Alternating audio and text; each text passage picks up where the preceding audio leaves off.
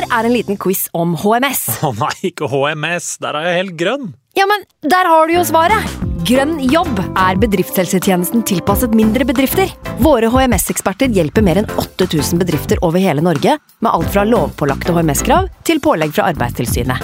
Få på plass bedriftshelsetjeneste på grønnjobb.no. Hallo? Jeg kommer fra Oslo politikammer. Ine Jansen er purk. Er du purk? The motherfucking bitch. Alt jeg vil, er å finne ut hva som skjedde med mannen min. Jon Carew. Er jeg sikta for noe? Iben Akeli. Det er du.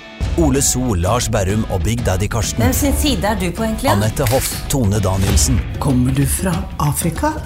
Jørnis Josef, Nesten. Kløfta. Trond Espen Seim, Det er synd å si det, men det var feil mann som døde. Purk. Premiere tirsdag på TV2 Play.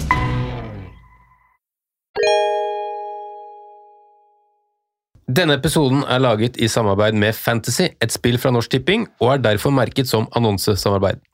I dagens episode skal vi snakke om alt vi vanligvis pleier å gjøre i en Game Gameweek 1-episode med Fantasyrådet. Vi skal eh, finne ut hvem vi skal ha av Salah, Kane, Haaland, Kevin fra start. Vi skal velge oss midtbanespillere fra The Hateful Eight, og vi skal selvfølgelig velge sesongspillere for hele sesongen. I tillegg til det så skal vi gi en grundig introduksjon til hvordan du kan spille Fantasy via Norsk Tipping sine sider, for der er det mange kule muligheter. Ja, men kun for de over 18 år, for vi må minne lyttere om at for å delta i Fantasy på Norsk Tipping, så må du være fylt 18 år. Nå har vi starta. Fantasy.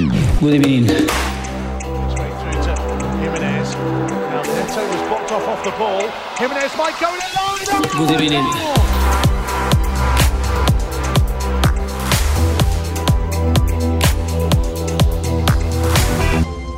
Hei, og velkommen til Gameweek 1-episode for sesong 6 med Fantasyrådet. Her er det sommer, men i Premier League så er det Premier League-sesongens vår. Mitt navn er Franco, og jeg sitter skulder ved skulder for sjette år på rad med mine to freaks and geeks. Simen og Sondre, velkommen i studio! Takk! Takk for det. Good to be here. Ja, det er Good to deilig. be back. Det er veldig deilig å være tilbake. Jonas Berg Johnsen skulle jo også være med oss i Det er dag. en tom stol her i dag. Det ble det. Og han, ta, han takker jo sjelden nei til en date, han. Men nå, hadde, nå har han jo fått en av det eksklusive slaget som selv ikke vi hadde takka nei til. Og han skal møte Martin Ødegaard, så han måtte utsette. Eh, Kjipt bytte. ja, det kan, du, det kan du si. Simen, er du ladd? Jeg er ladd. Jeg er veldig ladd. Det har vært veldig godt med en lang, lang sommer nå. og det, det, faktisk Hvert år så kommer liksom den der starten litt sånn som et hardt slag, selv om vi planlegger dato for å møtes og alt det der. Men det, vel, det kommer liksom fort hver gang. Det gjør det. Eh, Community Shield også var i helga, kom brått på, og serien som kommer starter nå på fredag. Eh, Nei, nå gleder jeg meg skikkelig. Mm. Det er deilig. Vi har den fine overlappinga fra Savner alltid sommeren, men vi blir jo litt sånn redda av Premier League, altså, som har det hele det sure, sure delen av året vårt. Sånn Ja, Sånn, da. ja, de som går og liksom gruer seg nå til at høsten skal komme og det skal bli mørkt, regn, øh, vinteren kommer etter hvert. Vi har Premier League. Ja. Det er så deilig å bare ha den øh, liggende der som en sånn Vi har lyspunkt i mørket, vi. lyspunkt i mørket. er Premier League for oss. Så jeg er veldig ladd, jeg òg. Følger engasjementet til Simen. og jeg var ganske ladd før, liksom, jeg var tidlig ladd i år. Jeg hadde jo en, øh, var veldig på opptur når sesongen avslutta. Gleda meg ordentlig. Så fikk jeg, fikk jeg roa meg rundt Det tok jo litt tid før spillet kom. og sånn, Det var godt for min motivasjon, tror jeg. Men du, du avslutta jo veldig sterkt. Ja. Eller sånn, Dere hadde jo veldig sterke sesonger. Min avslutning tilhører jo eh, historiens skraphaug. Det er jo bare rør. Ja. Men dere avslutta jo helt konge. Eller, Vi gjorde det. konge- Ja, Og det gir jo motivasjon, det, selvfølgelig. det gjør det. Så du har vært sjelden gira, for du har vært den som vanligvis har vært mest mett av oss tre. på Mest klar for sommer. Ja, ja da, vi har vel vært ganske klare for det, alle mann. Ja, ja. altså Sesongen er jo lang, selv om vi elsker det her. Ja. Eh, Den er jo fra, fra, fra august til mai, nesten kontinuerlig uten stopp, på en måte. Ja, faktisk. Så, mm, men eh, det er jo ikke noe som er deiligere. Vi må jo, det er jo derfor vi sitter her som sagt, for sjette år på rad. Altså, vi elsker Sjette året på rad. Sprøtt. Det er sprøtt. Mm. Eh, Sondre, vi har jo oppretta en, en liga for, eh, for fellesskapet eh, i Fantasyrådet, eh, altså Fantasyrådet 2223. Eh, kan ikke du, vi deler jo selvfølgelig ligakoden på Instagram, Twitter og Facebook, så gjerne gi oss et følge på alle de plattformene. Der legger vi ut også masse, masse annet innhold. Men Masse Eh, god content. Eh, masse god content heter det kanskje i vår Content creators. Content creators. Nei, nei, men som du sier, alt skal ut der også. Så Ja. vi har jo eh, vi har et mål om å få Vi har snakka om det før, at Fantasyrådeligaen har jo vært en av de fem beste ligaene i verden. Mm. 18-19. 1920, en av de sesongene der, så var, Ja. vi, var vi der oppe med, med de store, og vi vil jo tilbake dit. Så det er viktig at folk uh, i Freaks and Geeks-bobla kommer seg inn. Mm. Uh, Ligakoden skal, koden skal legges ut, men jeg kan lese den opp her for de som er på appen. eh, hæ? Det er ikke alle som har IG. Det er ikke alle som er IG. Det er jo folk som sitter med penn og papir, så klart. Så de får det Så da kan de notere nå. Ligakoden er UDQAQ4. UDQAQ4. Veldig bra! Så veldig bra. kom dere inn. Kom dere inn. Og, og til Patrion, Simen. Vi har også ordna Det blir jo litt info her i, i starten, men vi, vi har ordna liga der òg. men men uh, Patrion, Simen, noe mer du vil si?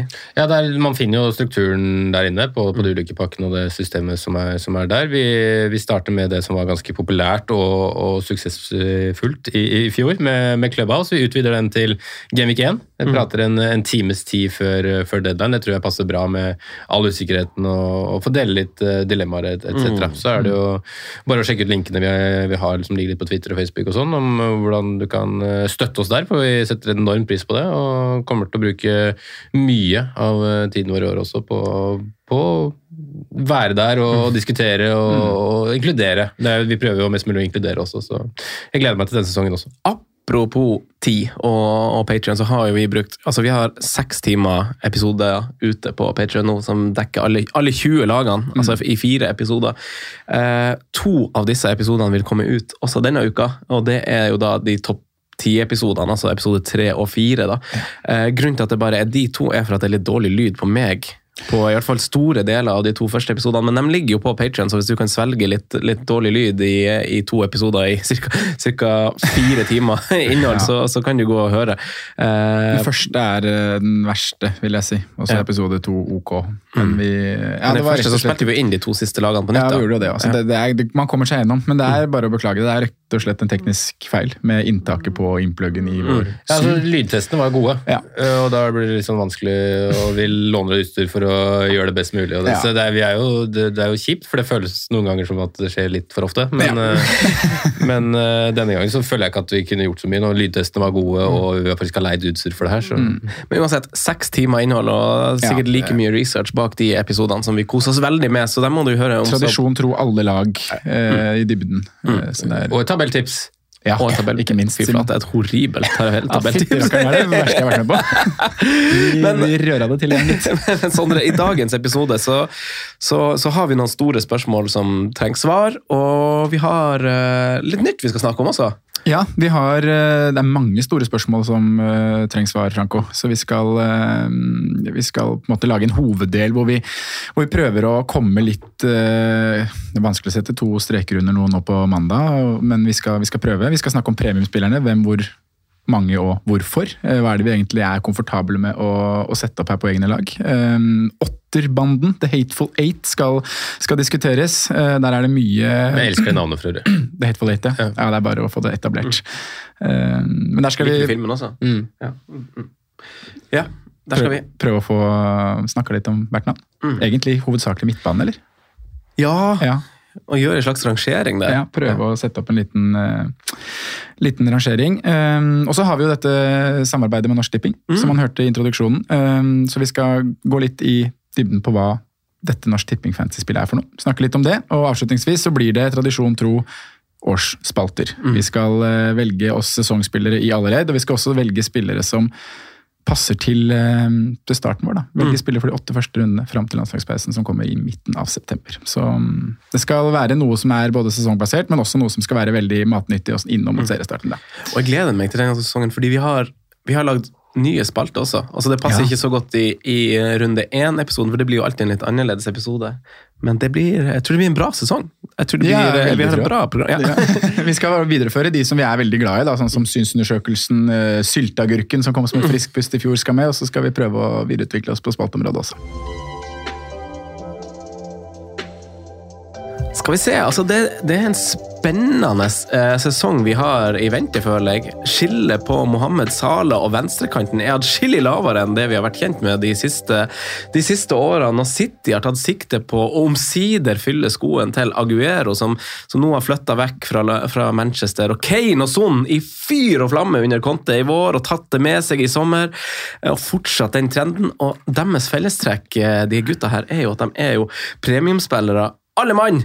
Og alle har blitt utgitt et ganske fint kampprogram på starten, som, som gjør veldig masse med eh, med hodet vårt. Vi får bli satt i veldig store dilemmaer på hvem vi skal ha, hvor mange vi skal ha.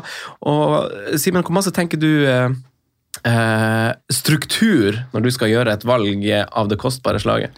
Det, det, det er naturlig at man, man har liksom tenkestruktur, kanskje litt sånn ubevisst også, fordi man har på en måte gått i en del feller tidligere. Mm. Eh, at man eh, ikke sitter med penger i, på topp, og så skal, må du ha inn eh, Kane eller Haaland, eller noe sånt, så, så gjør jo at man på en måte velger én nesten uansett, for eksempel. Da. Bare et sånn enkelt eksempel der. Eh, men eh, jeg har slått meg ganske til ro med, med at liksom for min del at det, at det blir to. At jeg ikke kommer til å gni ut alt fra laget ellers for å, få plass til tre, f.eks. Men jeg kommer til å spre midler som vanlig. Eh, midler i alle ledd. Eh, jeg er jo i hvert fall de siste sesongene kjent for å bruke kanskje mer midler defensivt enn snittet. da.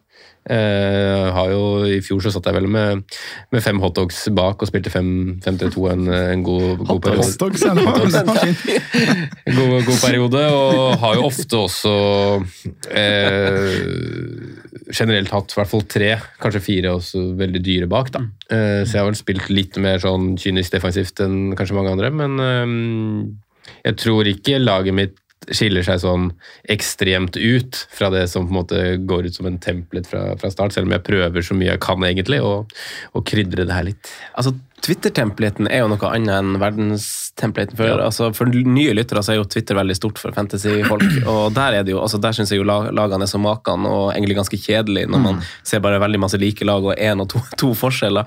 Eh, men, men man gjør det jo også sånn av en grunn. Vi vet at verdien er veldig stor bak, som du har forklart. Simen, spe- altså, spillere har utvikla seg dit at altså, wingbackene eh, er så masse verdi. Eh, du får assist, du får mål, og du får, og du får clean sheet. Så tre, tre muligheter for returns der. Og, eh, men, men det er jo veldig mange sånne som, som tenker veldig masse på altså ha, altså, ha to dyre premiumspillere fordi eh, det er enklere å bytte altså, når du har midler knytta opp i én Mm. spiller. Mm. for eksempel hvis du har Kane, starter med Kane, og så er det lett å hoppe til Braut, og det er lett å, lett å finansiere hva som helst, egentlig. Bare én move, da. Og samme kanskje kan du si hvis, ved å ha en i midtbanen og en på topp. Mm. Eh, hvordan stilling tar du til det til premium? Eh, jeg, jeg har jo vært veldig for den tankegangen som du skisserer der. Da. At det er, eh, jeg har alltid vært en 3-4-3-spiller, egentlig. eh, Med, med spredd midlene godt i alle ledd og hatt muligheter til å swappe eh, til både premiumspillere, middelklassespillere og ha billig, alternativer der. Um, Middelklassen er fin. Billigklassen er best når du treffer. Um, men uh, i år så har jeg jo gjennom store deler av sommeren egentlig kun stått med én premium. Eh, og vært veldig fornøyd med det jeg har fått til, da, ved å kun Ja. splæsje 12 millioner eller 11,5, da. eh, eller hva det måtte være på, på Kane. Eh, da har jeg syntes at totalpakka har vært ekstremt bra. Men så fikk vi jo en kamp på søndag som viser at man kanskje må må mer tilbake til Sala og to premium. eh, og når jeg sitter og skal gjøre det, så jeg, jeg klarer liksom ikke å bli 100% fornøyd med totalen. Um, og jeg syns det også er veldig vanskelig å få inn tre Liverpool med to premium mine, eller Salah og Kane eller Haaland. Um, så Nei, jeg, jeg er fortsatt åpen på hvordan jeg skal gå, men akkurat nå så heller det jo mot tre premium, at jeg må finne en, finne en løsning på det. Tre har egentlig aldri vært aktuelt. Da hadde det heller vært eh, to premium og en type spiller i eh, 9-5-10-klassen. da, Stirling, Vardy, Darwin. eh, eh, det sjiktet der, det, det får man jo til. Eh, Men jeg er også på, på det her med fem bak, da, som du snakka litt om, Simen. så så jeg får veldig mange fine drafts med fem bak, men jeg syns også det er en struktur som er litt vrien å låse seg til. Eh, ref akkurat det her med eh, Hvis det skulle poppe opp flere i middelklassen som man må ha i, i midtbanen f.eks., Mm. så, så krever det noen bytter hvis man har lagt mye penger bak og kommer seg dit. Eh, men så vet man jo at et år så har man et wildcard som man kanskje skal bruke litt tidligere enn eh, hva man pleier å gjøre. i og med at man Hva har... gjør det for hvordan du velger å starte? Kanskje litt mer eh, at jeg ikke ja, men Nettopp på den balanse, da. At jeg kanskje tør å satse litt mer på, på ting jeg ikke ville gjort vanligvis. Fordi- og vet at det er et wildcard å falle tilbake på Jeg, jeg tror tidligere. mange evn- ender med at liksom man starter med sånn relativt kall det kjedelig da, som Mm. er templet.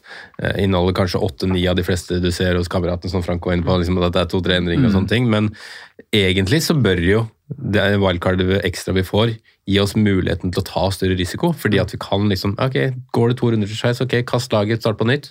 Eh, så kan du fortsatt være med. Men, men, vi, men vi har en veldig vi har, men altså, vi har en veldig, jeg må legge den død med en gang. fordi Eh, vi har fått spørsmål om det også etter episoden jeg og du spilte inn tidlig. Eh, Simen.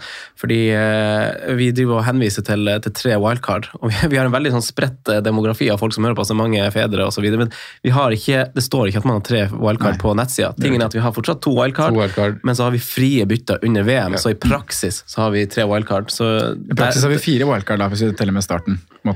Så du kan dele sesongen inn i fire etapper. på en måte. Ja.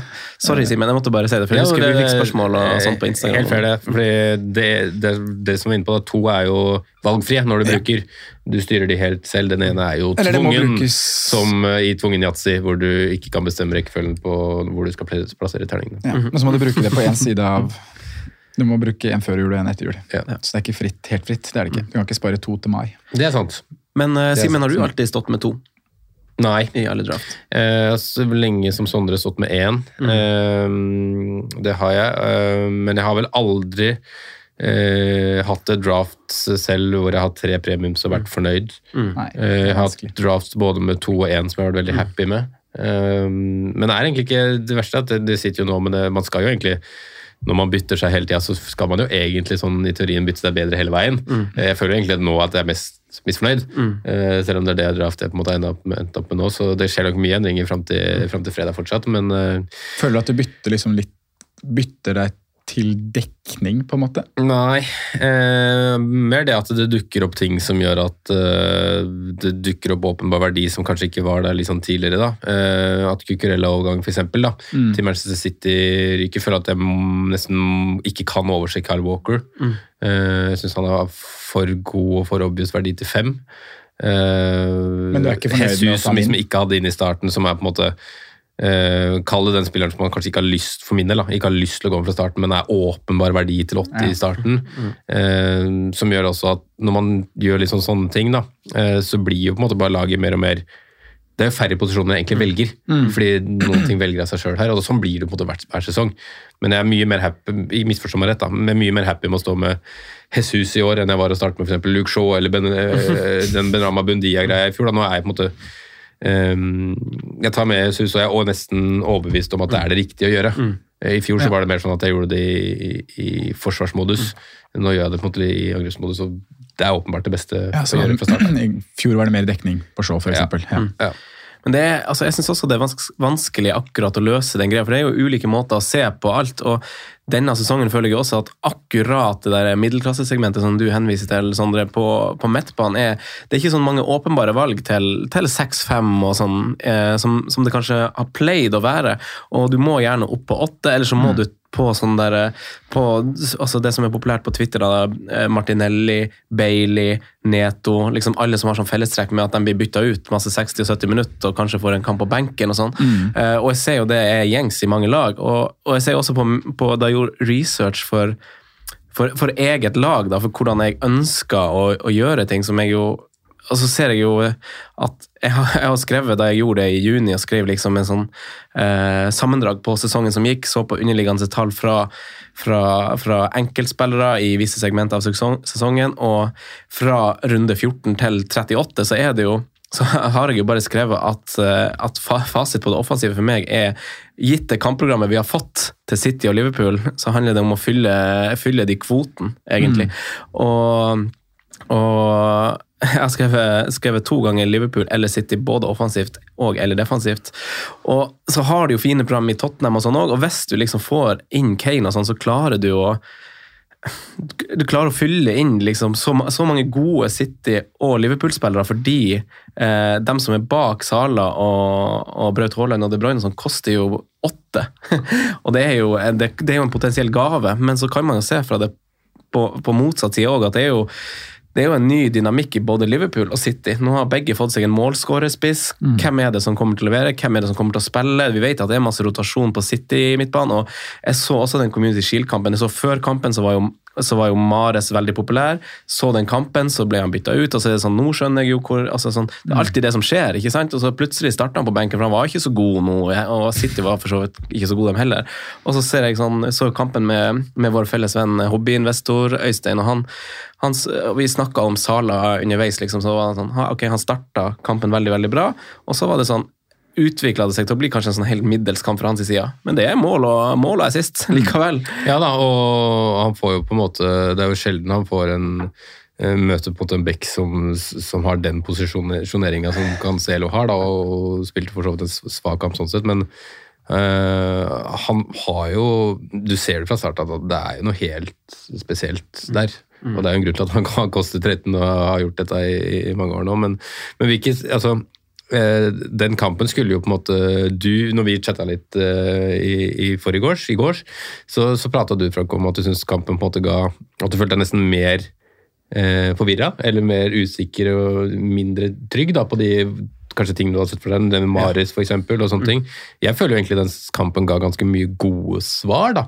Eh, og, men det var litt sånn fordi at jeg kanskje ikke har vært så mye på, på midten. Men jeg er enig i Maris utelukke etter den kampen der, også pga. når man ser mm. benken, Phil Foden. Mm. Eh, ganske sikker på at han kommer til å starte for en av de kantene i Alvarez er ikke eh, Alvarez spilte, Jeg tenkte mer han isolert som en spiss. Ja. han, Eh, når han kommer inn på en kantposisjon i en sånn dobbeltbytte der, mm. så Og Haaland, da?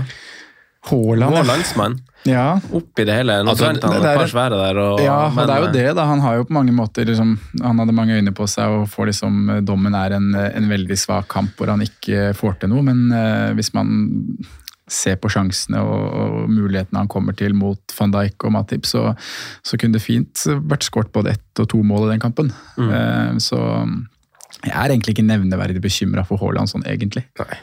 Selvfølgelig hadde det vært bra å fått en, en goal, men mm. Det er Westham Bournemouth Forest som kommer nå. Nei. De møter Liverpool to ganger i, i året, og de har også en ganske god track record mot de andre toppdogs. Top vi vet jo hvordan hvordan eh, Haaland, i hvert fall til tider i, i Dortmund når han var skadelig, sånn, har dunka inn både to, og tre og fire mot uh, enkelte motstandere. Mm. Så jeg er ikke veldig bekymra for han. Selv også, Det beste man kan gi Haaland etter den kampen, der var at dette var en kamp under paret for Haaland. Det ikke, de var ikke helt, uh, Flyten satt ikke helt offensivt, mm. men han ender med en XG på 1,6. Mm. Uh, nå var riktignok den siste sjansen der som kanskje veier den fem, i stort, men du ser jo den ene som er over linja, hvor han uh, får en heading bak og er kjapt og rapp, og den er jo en par centimeter unna en scoring, da, mm. hvis ballen hadde vært inne. og Han er jo giftig. Mm. altså Bare måten han Robertson tar rennafart og prøver å løpe ned, og ender med at det er Robertson som faller og Haaland som får en avslutning. altså Det er jo liksom mm. en kvalitetsspiss. Men grunnen til at du kanskje blir mer usikker og hadde flere spørsmål etter kampen. Frank, og Det handler vel mye om Sala? Det handler mye om Sala og Sala og City, egentlig. Mm. Eh, og Sala fordi at han er dyr. og ble liksom, altså Darwin starta på benken, f.eks. Han har vært inne i noen draft hos meg. som en slags sånn, fordi Jeg vet at du er veldig glad i det her, Sondre, og, og snakker veldig masse om kaptein når du mm. velger dyre spillere. At det skal mm. være en fin rotasjon. Og når du velger en spiller i et så høyt prissegment, så skal han kunne kapteines. Og, og det er liksom litt tilbake der òg, hva, hva, roterer fint. Jeg ser liksom, Hvis du kjører Kane som eneste som vi snakker om i preseason-episodene, for de som har hørt de eller kommer til å høre de, så snakker jo vi litt opp Harry Kane. Mm. Uh, med rette, uh, men de har jo igjen Chelsea i runde to. Hvem kapteiner du da, hvis du bare har gått han som eneste premium? Er du så sikker på at du tør å kapteine Darwin Núñez eller Louis Diaz eller Trent eller Mares eller, eller Cancelo eller mm. noe sånt? da. Mm. Uh, så man må ta stilling til de tingene også når man velger, fordi jeg ser jo det er, det er, jo egentlig litt dumt, men jeg sjekka liksom hvordan de roterer som kaptein, og, der, og akkurat Eh, City og Liverpool har jo egentlig ganske fine kamper samtidig. Altså du har mm. i, i, runde to så har du Palace og Bournemouth. Aller helst vil du kanskje ha, ha City-kaptein. Eh, I runde fem igjen så får du det samme, bare motsatt. Og så i runde seks så har begge en fin heimekamp. Og du får, du, altså Bortsett fra i første runde, hvor, hvor Kane og Sala krasjer litt. Eh, hvor du kanskje blir Jeg, jeg syns jo Jeg heller jo nesten litt mot Kane, eh, sånn, eh, sånn, egentlig. Men, eh, Som kaptein i runde én? Ja, ja. Men, men, men, egentlig begge to gode kapteinsvalg. Men det er liksom det, men det er liksom den eneste runden hvor jeg føler at de virkelig krasjer. Eh, bortsett fra det så syns jeg egentlig Sala og Kane rullerer ganske fint. Og så har du jo outsidere i Arsenal som har vært veldig gode i sommer. da. Kanskje du tør å cappe Gabriel Jesus eh, mot Bournemouth i runde tre, Fulham i runde fire, Everton hjemme i runde sju, når, når de andre lagene egentlig har litt, litt seig kamp. Så det må man jo også ta stilling til, og det peiler meg igjen inn på, på Sala Kane som, som min duo fra start. Eh, men så syns jeg, jeg Altså, jeg har så utrolig lite lyst på eh, de midtbanespillerne jeg snakka om i stad. Eh, Neto Bailey Ja. Kan ikke stå om begge de. det er ikke, det er ikke trygge, trygge minutter, og det er ikke trygge spillere. og det, og det er veldig vanskelig å bytte seg ut av det. Hvis du går for Bailey, da, og han har to fine kamper for, for Aston Villa i starten, han har vært god i sommer, begynner han å spille dårlig, så er ute av laget, og så er det veldig vanskelig å finne en erstatter i samme prisklasse hvis du må bruke et bytte der. I hvert fall sånn som du sier, sånn, har lost deg til fem bak, så er det jo helt clean umulig. Det lukter jo minuspoeng lang vei. Så, så jeg blir, altså sånn totalpakken med med, med to premium liker jeg ikke, og jeg liker heller ikke 5-3-2, da, som blir alternativet hvis jeg skal gå Sala og Kane eh, som formasjon. Og egentlig syns jeg du hadde det beste argumentet mot det, Sondre, at du, du sprer midlene så bak der, og det er vanskelig å, å gjøre oppgradering elsewhere. Og jeg synes de benkes, Jeg liker jo at min første benkespiller er en forsvarsspiller som kanskje kan komme inn og håpe på en clean sheet der, men å få inn Jack Holback og Andreas Pereira og sånn, det er- lukter jo liksom to poeng og dølt. Jeg gir deg ikke vann i munnen, det. Det gjør ikke det. Altså, jeg syns benken blir kjedelig, og totalpakken blir ganske døll, men eh, Og mye er den der totalpakka med, for det er jo åpenbart at spillere som Neto og Bailey kan bli enormt bra. Kjempeverdi, liksom. De koster fem, fem og fem blank, men igjen så er de fort vekk nummer én og nummer to som blir huka hvis det lugger for deres respektive lag. Mm. Neto for eksempel. eh, Sporting Wolves i går 1-1. Neto ble bytta ut etter 66 minutter mot Tishang Wang. Samme med Bailey. da. Du, du vet aldri hvor kort det er til den benkeplassen når det er andre alternativer i den offensive treeren. Og det er ganske mange bra alternativer også i Villa sitt lag nå. Så um, en av de syns jeg for så vidt er, er greit, men i med flere av mine to premiums-draft, da, så har jeg liksom blitt sittende med begge to. Og da spør jeg meg sjøl om er det dette du vil? Er det det du har lyst til? liksom, Å ha den usikkerheten. Um, og vi vet jo at det kommer til å bare byttes mer i år. For veldig mange lag, da. I og med at det er eh, to, to bytter ekstra. Ja, sånn Generelt så tror jeg på en måte det kanskje kan være litt sånn positivt. da, fordi at man uh, Istedenfor å få den der benkinga, at man får i hvert fall en halvtime med, med spilleren. da. Ja. Men man vil nok se mange frustrerte FBL-managere som uh, og nye innskudd til uh, 59 uh, Minutes Club, da, Mm. som liksom blir bytta etter 55, 58, 61, 65. altså uh, Uten særlig poeng. Men um, jeg syns spesielt Neto og Bailey har blitt kjedelig for meg. Mm. Uh, vet ikke hvorfor, men um, Ja, Neto spiller begge, er, jo- begge er jo i Neto spiller jo et kjedelig lag. Ja, Bailey har liksom litt sånn ja, det her, Villa skårer litt mål og han, han var jo uheldig i fjor. Også, man, det, ikke, det er ikke mange sesonger siden hele verden sikla etter Leon Bailey. Og, han, og det er vel litt som vi har vært innom kanskje med andre signeringer også på Aston Villa, at de tar sjansen da, på de Mm. par spillere som toppklubbene kanskje ikke gjør. Og henta Leon, Leon Bailey. Så det er jo et utvilsomt et enormt potensial der. Eh, Det er det. Men, eh, men hva, hva tenker Spiller du vel landslagsfotball med Michael Antonio, han? Gjør ikke? Jamaica. Jamaica. Men hva tenker du om, eh, hva tenker du om, du om én versus to premium? For jeg ser jo en sånn totalpakke ved at du går én premiumspiss. Eh, nå, jeg, nå sa jeg spiss, da, men det kan jo være Sala òg. Men, men jeg tenker, grunnen til at jeg sier spiss, er for at jeg tenker Kane, fordi at i Liverpool så har du hvis du kjører Kane på topp, da, for eksempel, så har du råd til å kjøre Trent, Darwin Nunes og Robertson, eller Diaz, da, hvordan du vil. Velge tre av de. Og samme i City, så kan du velge liksom Cancelo, du kan velge Ederson, du kan velge Kyle Walker, Grealish eller Mares.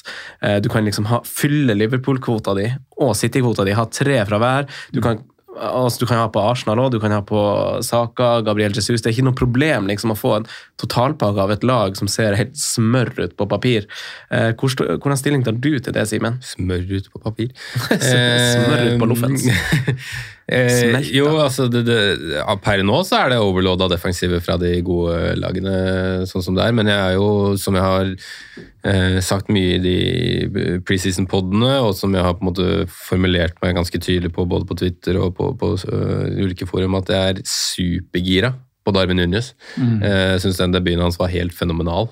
Um, den halvtimen han, han fikk. Da, da, men- da mener du noe mot City? Den, Ja. ikke Ja, offisielle debuten. ja. Um, det er jo et produkt altså Det er jo et fullstendig uferdig spissprodukt, men altså å være så farlig mot et av verdens beste lag på en halvtime er jo nesten helt spinnvilt. Men hvordan tror du det er med, trygge minutter sånn? Ja, altså Det Minutter blir det jo. Altså, det er jo bare snakk om hvor mye.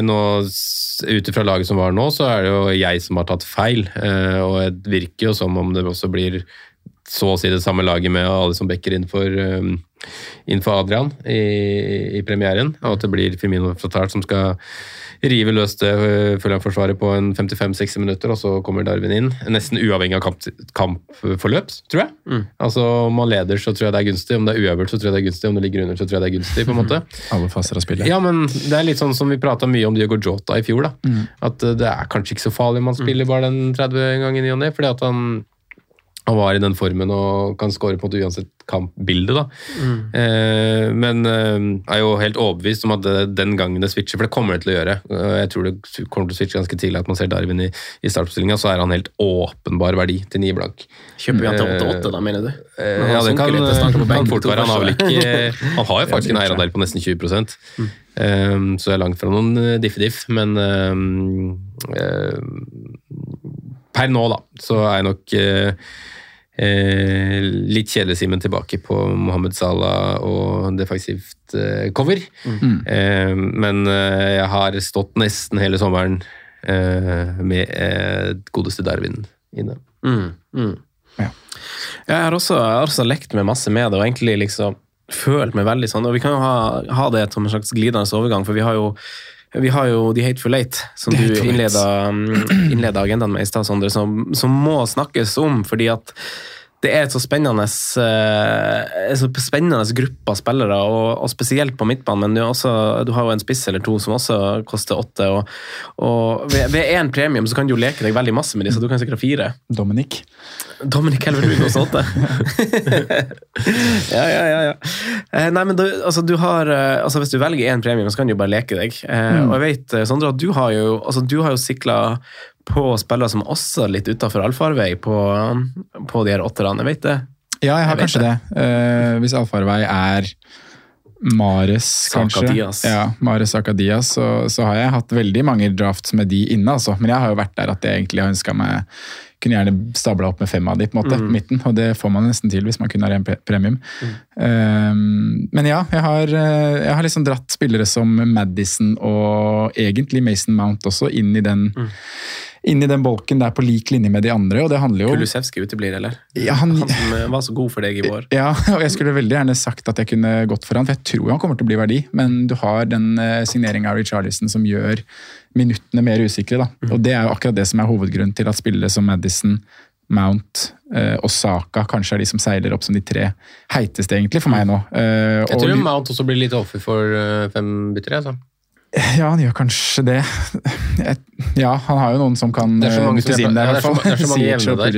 Mm. Um, Så det er, det, det er nok et argument, det, ja.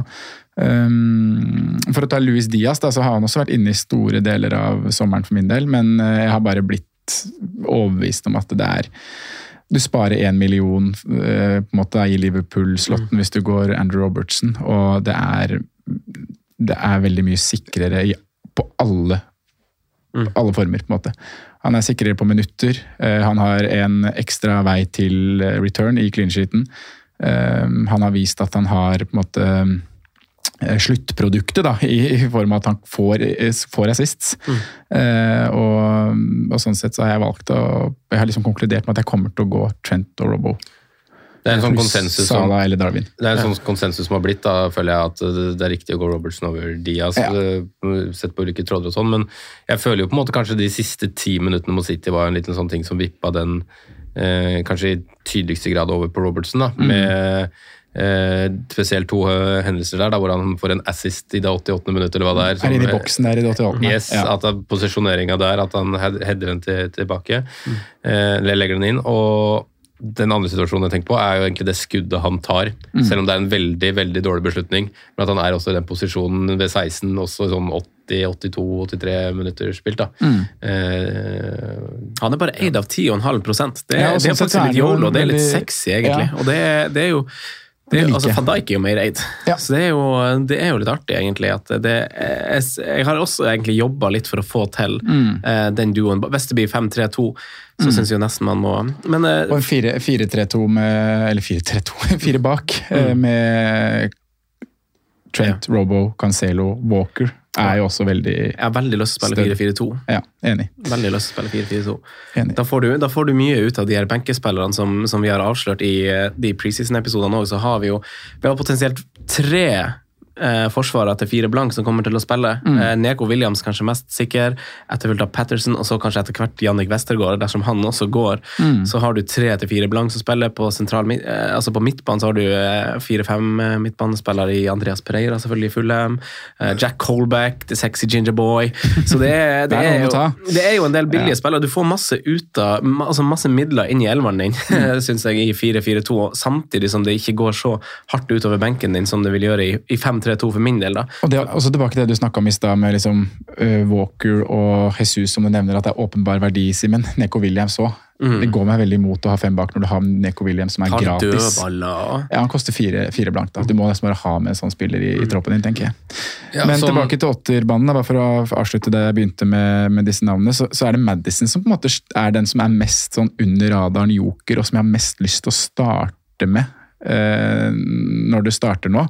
Eh, han er kun eid av 5,6% ser jeg her nå. Det er, det er fine tall å ha med seg som den, de tre spillerne vi sier at vi skal liksom diffe litt på. da. Um, har egentlig ganske fint, uh, fint De møter Arsenal og Chelsea og United i løpet av de første fem, så man skal ikke si det er fint, men hvis man dykker litt mer i det, så syns jeg det er eh, totalt sett over de første, første ti da, en veldig fin åpning. Uh, og ja, Det rapporteres jo om tidenes oppkjøring for Madison sin del. Uh, Leicester ser jo har sett ganske bra ut i oppkjøringa, så mm, han har jeg lyst til å starte med. Men det blir, jeg tror det blir vanskelig, da, fordi vi skal snakke om Saka og andre navn i, i klassen her som kanskje er hakket foran i køen nå. Har dere gjort dere en slags rangering på, på åttere? Hvordan, eh, det er Saka og potensielt Mares er de eneste jeg har vurdert som tar straffa. Saka tar jo straffa for Arsenal. Det fikk man jo bekrefta kanskje nå i siste kamp, at han Ja. tar straffespark. Ja, jeg, føl- jeg Hvis det føler- var en usikkerhet i forkant, da det var kanskje ikke jeg føler det. at supportere kanskje ikke følte at det var usikkerhet, men jeg skjønner jo at man Ja. eh, stiller noen spørsmål når Jesus kommer til en litt stor sum og sånn, så Men spørsmålet, Hvis vi tar Arsenal med en gang, da. Du har Saka til åtte på straffer, men Mm. går man Saka til åtte når man har Martinelli til seks? Kjører man Saka sammen med Jesus? Kan man ha alle tre? Det er sånn mange Mm, det er det, og øh, de har ikke alle tre litt overloada? Jo, Jo, det syns jeg. Jeg Men også de, føler det. men de har jo vært veldig gode i sommer, Arsenal, og har hatt sånn, sånn som Pep har uh, snakka om i en pressekonferanse, at eh, hvor masse det har å si å ha hele gjengen samla på, på preseason, og det har jo Arsenal hatt, og hadde en veldig fin oppkjøring, lite skader og rør. Mm. Eller litt rør har det kanskje vært, tydeligvis, vi får se. Men, eh, men uansett eh, Har det vært rør? Hæ? Har det vært rør? Ja, vi får se hva som skjer med partigreia. Men, eh, Ja. men, eh, men eh, ja, ja, nei, Martinelli altså, han har jo vært Angrepet av Arsenal har jo vært det som er verdt å trekke fram i sommer, faktisk. Og spesielt kanskje etter, etter Martin Ødegaard kom, kom tilbake igjen. Han kom jo litt senere, han og Saka. og sånn, og det Eh, og Martinelli har jo vært veldig veldig god. Eh, og, og jeg tror kanskje det kan være en grei spiller å starte med, eh, fordi fordi han Smith Rowe har vært ute, som er hans mest sånn naturlige konkurranse. Den kantspilleren har ikke blitt signert. Det var jo snakk om Rafinha en stund. og Den ligger nok fortsatt i kortene at det signeres noe offensivt. Var det, så, var det Leroy Sané som var like Ja, bra nå? Så, oh, han kan kjøpe andre spillere enn de som har vært i City, Arteta, eller er det sånn at han må Nei, jeg må Nei, det. jeg får se. Må det. Eh, Det er sånn rykter om Robinho også skal Ja. inn der. da. Jo, skal vi komme nå. Nei da, så, så det eh, så, et, så De har vært veldig spennende, men eh, jeg legger han i liksom samme kategori som Eller knepper over Neto og de fordi at han er mer eksplosiv og spiller i et bedre lag og et bedre program, men han kommer til å bli huka. Ja. Ja. Jeg, jeg husker ikke hvem som sa det, eller om jeg leste eller hva det var også, men uh, har det vært litt sånn posisjonsbytter der også? Med at uh, man på en måte på en taktikktavle så står vel Jesus på topp, men at man underveis i kampen har variert litt i, i hvor de har ligget, med at Jesus har trukket litt ned på kant og Martinelli har tatt over i ulike perioder av kampene. Jeg har ikke tenkt så nevneverdig på det. Jeg har sett preseason-kampene, eh, men han har jo figurert litt på topp, Martinelli òg, også når Jesus har blitt tatt av, faktisk. Så, så det, kan, det kan jo være, og det er jo en veldig dynamisk eh, formasjon, det, så i hvert fall kanskje spesielt på venstresida, så er det jo det. Så, for jeg, syns jo han har det derre eh, nier-genet, altså det steget som du får en meter fra forsvareren og et drapt skudd. Det har jo Martinelli ganske mye av, føler jeg. Eh, og han er jo en brukbar, brukbar avslutter. Eh, så jeg også er, er tempted eh, der, og syns prisen er veldig innlydende. Jeg ble veldig overbevist over den Sevilla-kampen, var det det? Ja, så hvis de Jeg hadde så highlights der, jeg synes han så så, så mye gode posisjoner som Han han keeperen til. Sevilla så god ut. Han så bra ut. Der er det muligheter. Men, eh, men, jeg, Men det er det da, for du har liksom noen, unnskyld Franco, men du har noen spillere som du sier Simen, at Jesus må med fordi han er så åpenbar verdi. Mm. Jeg syns Martinelli egentlig må med fordi han er så åpenbar verdi. Ja. Han har ikke noe direkte konkurrent akkurat nå. akkurat nå, Og da skal man jo på en måte ha med han, og så har du Saka til åtte som er på straffer og spiller nesten sikre 90 minutter. Mm. Så du, det er mange som på en måte må med, da, fordi de er så åpenbare. For, for, for min del da, så er det å triple Arsenal for det er fullstendig uaktuelt. Ja, det høres, føles veldig overilt. Men det er tre gode alternativer. er og velger du Martinelli over Saka da, for at du sparer inn to millioner? Man gjør kanskje det? Ja, altså Eller, jeg vet ikke. Kanskje. Ja. Jeg, jeg, jeg, holder saka høyt, da. Både Ja, jeg også gjør det. Jeg er veldig glad i Saka. Så, Det blir jo litt som, eh, sånn som på samme måte som vi kanskje har snakka om, eh, om andre lag tidligere sesonger, men kanskje også eh, antydning i denne episoden at du får de her plan B-løsningene som vi egentlig prøver å få folk til å unngå. Altså, sånn, du, altså Noen spillere ser man bare sånn du strekker deg til han. Altså sånn, Du går ikke, du går ikke Firmino, liksom. Du strekker deg til Mané hvis du skal ha to Liverpool, på en måte. Eh, og det blir ikke like masse sånn for Arsenal akkurat nå, hvis vi isolerer situasjonen. Men utover sesongen så tror jeg ikke Martinelli er noe godt valg. Men som du sa i stad, Sondre, så, så har vi jo et wildcard å falle tilbake på nå. Kanskje det kan våge oss ut på å ta litt flere sjanser i starten og se på hvem som er i form akkurat nå. Hvem som kommer til å starte i et fint kampprogram fordi at vi vet at et wildcard er nærliggende som bruker kanskje liksom mellom runde fire og åtte en gang allerede. liksom. 3-8, tenker jeg. 3-8. Ja, ja, ja, ja. Altså, det er ikke sånn at Martinelli er en, en ny spiller i ligaen heller. Han har jo en sesong bak seg med 1800 minutter og en to Ja, det er tidligere. kanskje også. et av argumentene imot også. At han liksom det, Han har kun så Det beste han har, er liksom 1800 minutter i ligaen. Ja, nå skulle jeg referere til skaden hans, da, som kanskje har gjort at det har vært litt Han hadde jo en ganske alvorlig Og så må ikke glemme hvor ung han er. ja. Så det er ikke så rart at han ikke har vært eh, bankers. Så jeg tror, jeg tror at hvis man satser på Martinelli nå, så kan det også bli den historien at man tar med han fra start og bare blir sittende med han. Fordi han kommer til å ha en kjempesesong og ta den venstre kanten i Arsenal.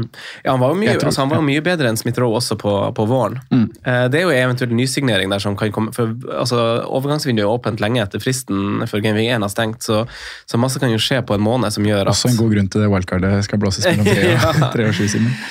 Ikke sant? Ja. Men uh, Det blir annet spennende at PP tar den plassen der tilbake. PP, ja, fytti katta. Han, han hadde lyst til å bli i Arsenal, han. Ja, men, eh, men jeg føler jo også et behov for å snakke opp eh. Altså, jeg liker jo veldig godt at vi har eh, at vi har Kane, at vi er så i felles. Herregud. Jeg hadde glemt av hvor fnisete dere kan bli. Det kan bli noe det er koselig, det. Men jeg føler et behov for å trekke opp også angrepet til Spurs, og det er også basert på, på samme research som jeg snakka om i stad, fra runde 14 til 38 forrige sesong. De skårte 43 mål i den perioden. City bare som skårte flere, med bare 44, ett mål mer. 47 store sjanser skapte de ifølge Oppda, og der er de et hestehode foran City, som er nummer to med 36. Nest flest skudd i boks, og lag med nest høyest XG uten å inkludere straffer i, i samme periode. Og de møter Southampton i første kamp, som vi jo vet kan tape 9-0. Så, så Kjør da, Harry. Kjør det, Harry, men jeg vil også nevne Son. Ja, han er god, han òg. jeg snakkes han for lite om. Ja, Ja, ja, helt klart. Ja. Helt klart. De har vært helt rå, begge to. Son snakkes for lite om, Mm. og nå snakka vi om Tottenham, da, men jeg syns også Kevin De Bruyne snakkes for lite om. Mm.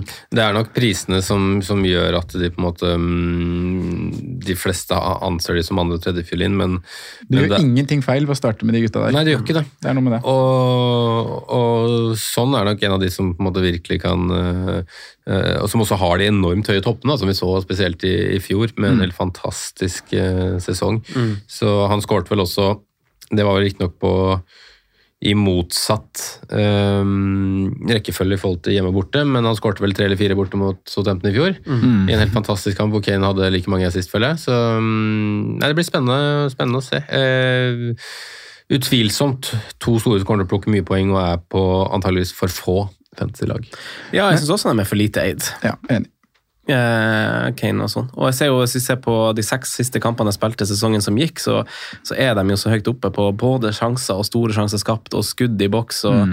eh, de er Sammen med Sala så er jo de to gutta veldig masse i toppen. Eh, jeg synes det er verdt å nevne at også Saka er jo Saka, Kulusevski, Madison og De Bruyne også er liksom helt i statstoppen på de siste seks. Så det er jo eh, Og Kevin De Bruyne liksom versus Haaland, da, hvis man skal snakke premium i City der, så er jo han mye mer til å stole på nå, når det kommer til Nå har han hatt en sommer hvor han ikke har hatt noe mesterskap, han har fått hvile. eh, Hadde en kjempe, Fikk liksom orden på skadeplaget, eller på kroppen sin i innspurten i fjor, som du sier, og hadde kjempegode performances da.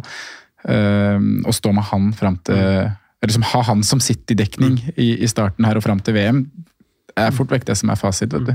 Ved- Han er ikke ved- like eksplosiv kanskje da, som Haaland, selv om han hadde fire igjen. Det som uroer meg med begge to, er jo liksom egentlig antall minutter og sånn, sånn det har vært i det siste. da. Altså, Det er jo for en spiller av De, Bruynes Det er en stund til eh, Champions League, da. Ja, men har liksom en spiller av De, de Bruynes kaliber som har ligget rundt 2000 minutter de to siste sesongene. Eh, En veldig bra sesong da i 1920 med tanke på antall minutter, og så Mm. ganske dårlig enn i 1819. Så det er liksom det er små skavanker, føles det ut som hele tida. Mm. Og det der argumentet om at du dro opp, Franco, med om at øh, jeg tror det var du, um, at Haaland liksom skulle matches inn i City og matches forsiktig og de greiene der. altså.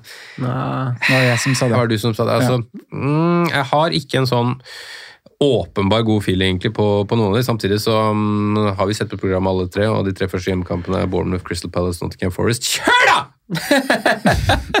Den kom ut av det blå. Du som har snakka så flatt i hele dag, så kommer et lite sk- skvett av deg vekter under på bussen. Og ingen Men, men for å jeg, har- jeg, har, jeg to ting jeg vil banke gjennom før vi avslutter. Vi må rangere Ja, vi må rangere. Det er nummer én. Vi må rangere. Hvem er, hvem er dine Jeg får høre din rangering, Sondre. Fra start. Fra, i, av otter, de Hateful Eight, åtterbanden. Uten å inkludere Jesus. Fra, Skal vi ikke Ja, for det var det Sa vi med argumenter som da, som du har vært inne på, at liksom jeg, tar, jeg, tar, jeg tar til grunn for fra start. Ja, Fra men hvem ta, er tar du med argumenter som at uh, du, man vipper Luis Diaz ned fordi man heller har tre Liverpool-lesses over, eller rangerer vi åtterne isolert? Godt spørsmål. Veldig godt spørsmål. Takk. Eh, du kan, kan jo gjøre begge deler. rangere, du, du kan rangere isolert med en kommentar, Ja. er det du sier? Ja, ok. Ja. Ja, ja, kan vi ikke reflektere høyt da, Simen? Rangere sammen. Eh, Ja, hvis, hvis vi rangerer prøv- på grunnlag at vi rangerer det isolert, så har Luis Diaz øverst. øverst. jeg, jeg har lyst til å si uh, Bukayo Saka. Jeg har også Saka øverst. Drafter og minutter og hele sulamitten. Gode underliggende. Program, sommeren. Jeg legger, Har jeg, han er rett foran Dias. Dias nummer to hos meg. Ja. Jeg har mottatt, men det er ganske Det er close med de to. Ja. Enig i det. Og så finner man kanskje, Det er det som er artig med åttebanden, som har blitt liksom, kanskje utover sommeren, at det har blitt sånn at man har veldig sånn Ja, vi skal ha fem når vi starter. Mm. Men nå har det blitt Robertsen er bedre, Martinelli er kanskje bedre. Mm. Madison er kanskje på vei bort. Ja, Sånn så ender opp i Newcastle og har blitt så skuffa. ja, det hadde vært helt Chelsea ser ikke bra ut. Mares, Foden, usikker på minutter. Ja, plutselig så skal du bare Mm. Ja, da, ha kan man egentlig bare- Kulisevskij har fått konkurranse. Ja. Så kan man egentlig bare dra den enda lenger òg. Altså Jaden Sancho var sjuk. Uh, Coutinho sa vet man ikke Wilfried Zaha var ikke med på treningsleir. Uh, ja, Kulisevskij har ikke fått, har fått konkurranse. Bowen er for dyr. Uh, Barnes, nei. Really, nei. Altså, Men bak Diaz Saka syns jeg det begynner å bli veldig vanskelig da, å rangere. Mm. Da har jeg lyst til å bare si James Madison, ja. basert på Følger. Ah, program og jeg har skrevet Mares. Ja, det er vanskelig å argumentere egentlig også for det, men øh, og samtidig så har jeg lyst til å si Malto, så de er veldig jevne. Men, Ja, men det- der, der går det på, på, på minutter, altså. altså. Får Mares matchende minutter med de to, så er det Mares klink på toppen av de tre. Men men Mares spilte 60 nå, ikke sant? De ble huka likt, han og Grealish. Og hvis man får et snitt med 60 minutter på Marius Jeg får ikke det. jeg tror han får mindre. Ja, jeg tror han Ja. så å si splitter minutter med Phil Foden. Ja, for det var liksom etter 60 nå at folk ble sånn Å, da skal jeg ikke ha han. Mm. Men hadde man fått det i snitt, så er jo det kjempeverdi. Ja. Altså, vi, altså, vi sitter jo som brente barn her hele gjengen. Mm. Jeg husker vi snakka på Twitter med Hva heter altså Petter Smedstrud har starta en podkast, sa du, på Ja. vei inn døra her. Eh, Det må vi jo gi en hyllest, for han har vært veldig hyggelig med Kommer stadig med hyggelige kommentarer, men han, han er jo åpenbart litt ferskere i, ferskere i, i gamet enn oss, som snakker veldig Da i hvert fall snakka veldig opp Mare sin sak, for han har mista konkurransen i, med, i, eh, i Jesus og Stirling, blant annet. Og da skal liksom den spotten være nailed. Men jeg føler at vi er Altså, vi har vært der før, at historien gjentar seg. at liksom man, all, man finner alltid et case for at man skal velge Mares, Mm. men så finner jo Pep ut at han Og nå har han signert ny kontrakt òg, men Pep han tenker jo helt annerledes. Mm. Han starter bare, jeg synes han bare, Hvor mange kamper starta ikke han på benken sesongen som gikk? Hele tida, følte jeg. Hele tida starta han på benken. Ja, og så plutselig var han inne i, i lagoppstillingen når du skulle liksom kalle det toppe det i, i Mhm. Champions League. Ja, ja. Det, det var en uh... 1400 minutter. 18 målpoeng Ja. i ligaen. Ja. Jeg synes det er mål. Han er jo effektiv når han spiller, og det er også det som snakker han litt opp. For Ja. han er jo Eksplosiv. Han, han er, ja, altså, Straffespark har det vært snakk om at han fortsatt er på. Han liker jo å skyte sjøl. Ja, det er en liten tvil om. Petters fantasi. Petters fantasi. Vi noterer oss det. Men, men alle har en sånn konsensus om at det er, eh, hvis vi går fra bunnen da, på det, på det Hetfield 8, at det er eh, Phil Foden og Krusevski per erstato som er i bunn. Ja, Ja, hvis vi utelukker Dominic Calvert-Lewin. Ja, han utelukker vi. altså, jeg hadde jo, jeg hadde jo altså, Hvis man skal basere på forrige sesong og underliggende tall, og sånn, så ville han Foden vært med i starten, men han har ikke vært med på preseason. Det er derfor man på en måte, han er noen covid-vaksinegreier, så han ble liksom ikke med til, mm. på tur. Er han motstander? Nei, det vet jeg ikke. De har holdt kortene ganske tett til brystet. Det er ikke sikkert det er det engang. Men eh, Det virker ikke som det er noe sånn skikkelig dramatisk, men han kunne ikke reise, i hvert fall. Eh, Så, så han starter jo mest sannsynlig ikke. Hvis ikke så hadde jeg hatt han veldig høyt oppe. Eh, Sikkert på nummer tre bak Saka og Diaz. Eh, Men mm. Kulisevskij er enig nederst, og jeg vet jo du har snakka litt Mount òg.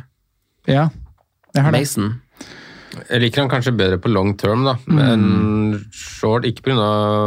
programmet, egentlig, men bare på liksom det jo usikkerheten og de kommentarene til Tyskland og de greiene der. Ja, Men sommeren der har ødelagt litt for egentlig alt i Chelsea. Jeg er ikke, så, er ikke sånn superhyped på Reece James lenger heller. Nei. Vært litt ute av de par siste lagene mine, selv om han fort er med. Men uh, det er som Simen sier, da, Everton borte, Tottenham hjemme. Og så kommer Leeds i runde tre, som er kjempefin, men kanskje mer på det long, long term. Mm. Litt sånn um, En oppgave på stående fot før vi skal videre i, i programmet, gutta. Har dere eh, hvem, hvem er dere som go to-spillere? Altså, I et sett tilfelle hvor man kjører to premiumspillere og må ha én til to spillere på midtbanen som koster si under seks, da. Hvem har dere som eh, favoritter der? Under seks eller seks? Ja, seks eller ned. Ja. Martinelli er klink på sekseren. Ja. Den syns jeg er ganske grei. ja, jeg støtter den. Um, skal har eh, per nå Bailey inne, men eh, Mm. uttrykt eh, misnøye og skuffelse og syns det er litt kjedelig. Mm. Ja. Vi har jo, jeg synes jo vi har et lag vi, vi snakka litt opp for dem som kommer til å høre de preseason-episodene med dårlig lyd, eh, men jeg syns jo vi snakka litt opp Leeds Mm. som et slags wildcard-lag, fordi de, de har veldig store utskiftninger, så vi vet ikke helt hva vi får, men de har veldig fine kamper i, i starten av sesongen og har, bortsett fra Patrick Bamford, jeg mener egentlig feil, ganske feil prissatt, men fortsatt ganske lavt. Vi har jo eh, Rodrigo der på midtbanen til seks blank som banka inn et hat trick der i går. og har vært kaptein og tatt straffene i Australia der, og det er sikkert, sikkert Bamford som tar de, men eh, det er jo mer sånn joker, eh, jokerlag. Hvis jeg skulle ha valgt noe liksom utenfor eh, det som alle snakker om på Twitter, så, så syns jeg det er litt spennende. Noen må jo på en måte også ta, ta tak der med, med Nå er vel Dan James bare suspendert i, i første runde, men uh, må også Sinistera ute, så um, Altså eh, Selv om de på en måte går over til en litt sånn kjedeligere, eller kjedeligere kanskje målprotokoll, da, enn det de har vært vant med under Bielsa, så, så tror jeg Leeds fortsatt vil være et lag som er involvert i ganske mange skåringer begge veier. Så sånn ut i går, i hvert fall. Så, Men jeg er veldig med deg på Martinelli, Mm. men jeg har veldig lyst til å strekke meg til Saka, på grunn av eh, bare Straffe. Det blir begge, vet du. Totalt. Og så må du ha Jesus. Ja, det er Man sitter der med den treeren og jeg bare merker, at vi, jeg merker at vi er sam, akkurat samme tankespor på det. ja. Men som, bortsett fra det, så er det jo ikke så mye. da. Du har Neto og Bailey, som Simen sier. og jeg hadde vel, Vi, vi snakker vel om det i preseason-episoden som kommer i løpet av uka, at man litt enklere med Da er det jo ikke så veldig mange andre alternativer i 5-5-klassen heller, men det er lettere å gå fra Neto til Bailey enn Bailey til Neto, da, hvis Mm. en av de viser seg å være must have. Hadde ikke Trossard også sånn sjukt hat trick spilt hat-trick. i, i preseason her? Og et, altså, i, game, eh, I Gameweek, i wildcard-tider, da, så åpner jo plutselig døra seg opp for Wilfred Saha også, som har en blytung start på, på sesongen. Eh, I hvert fall hvis man ser på, på altså, Han skal både til Anfield og og Etihad og møte ligamesteren i runde én, så åpnes åpne opp for under fem, da. Der, der føler jeg vi kan bruke også for, som et argument for det her Arsenal-kjøret. Fordi Arsenal hadde sine to svakeste kamper mot, uh, mot Pelle sesongen som gikk. Uh, men jeg tror akkurat det tidspunktet å møte Pelle som Arsenal gjør nå, er ganske fint. Mm. sånn Du, Ja. Du snakka om det i preseason-episoden, at de har hatt splitta tropp i hele sommer. Mm. Egentlig så har en stor del av A-spillerne til Pelles har vært igjen i, i London, mens en, en litt mer sånn B-prega, men kanskje først og fremst altså A-laget si forsvarslinja for til Australia, mens de offensive ble igjen i London. Så de har spilt separate treningskamper, Palace. Det kan jo være gunstig å fokusere på ulike ting her. Ja. Det er veldig merkelig. Du, du har liksom nesten sentrallinja som har vært igjen. Altså. Eh, A-laget sitt forsvarsledd, bortsett fra Gui. da. Mm. Han har vært i England, så har vært Ese vært der. eh, Nysignering Dokoré har vært der. Saha, Olise. Eduard Benteke. Ja, nettopp. Så det, det kan umulig Eller det, det er jo ikke bra. å Nei, så jeg tror eh, Tidspunktet kan være fint. Selv om jeg tror på Pelle, så tror jeg Arsenal kan være litt heldig med når de møter dem. Vi bør jo egentlig dra fram også litt sånn joker og starte med der i Crystal Palace. Riktignok vi vet at de har veldig tøft program de første fire, Ja. men når man prater i den der prisklassen der om hvor høyt vi på en måte plasserte Crystal Palace på, på tabellen, så så har man jo spillere som SC i den indreløperen som kan Ja. bli ganske spennende. Man har en Olise som man kanskje forventer tar det neste steget. Har vært linka faktisk og helt opp til storklubber som Han skulle du starte med, så han hadde du i første draft, Sondre. Han er i første draft han, er din, han er din watch for, for sesongen, Jeg skulle liksom dra på det samme som Simen, for det er, når du tar 5-5-spillere på spillet her, så er det jo egentlig ganske mange som man bør ha en watch på som kan bli noe. Mm. Og Derfor er jo Neto et sikrere valg enn Bailey, for der kan enkelt hoppe til da.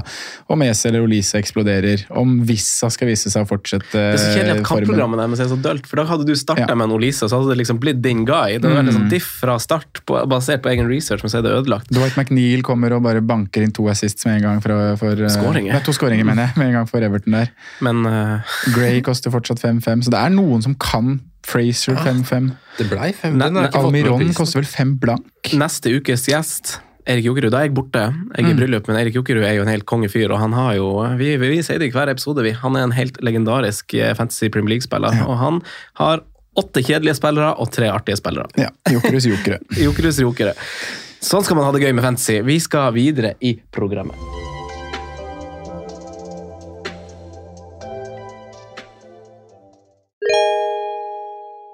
Omsider så har vi fått eh, ut et eh, fantasyspill her i Norge, og det er Norsk Tipping som, som står for det.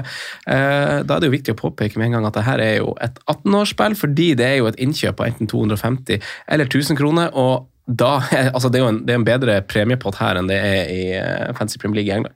Mm, det er henholdsvis 250 000 og 25 000 garantert i premiepottene, og så reguleres jo det etter hvor mange som, som blir med, rett og slett. Så her skal vi spille, Sondre. Her skal vi spille. Det er, eh, det er jo også sånn at man kan ha flere lag per konto. mm. Så da kan man jo leke seg litt med, med lagene. Og vi har prøvd å, eller vi har satt opp hvert vårt lag nå, og har allerede sett at det er en del um, ulikheter og eh, en annen dynamikk da, i prissettingen, som gir oss litt andre type, andre type lag enn hva vi får i, i Fantasy Premier League. Så um, vi er vel kanskje der at eh, NT Fantasy, som vi kaller det fra nå av, har en eh, prissetting som vi kanskje anerkjenner noe bedre enn Fantasy Premier League, og kanskje er litt likere hvordan vi ville prisa. da.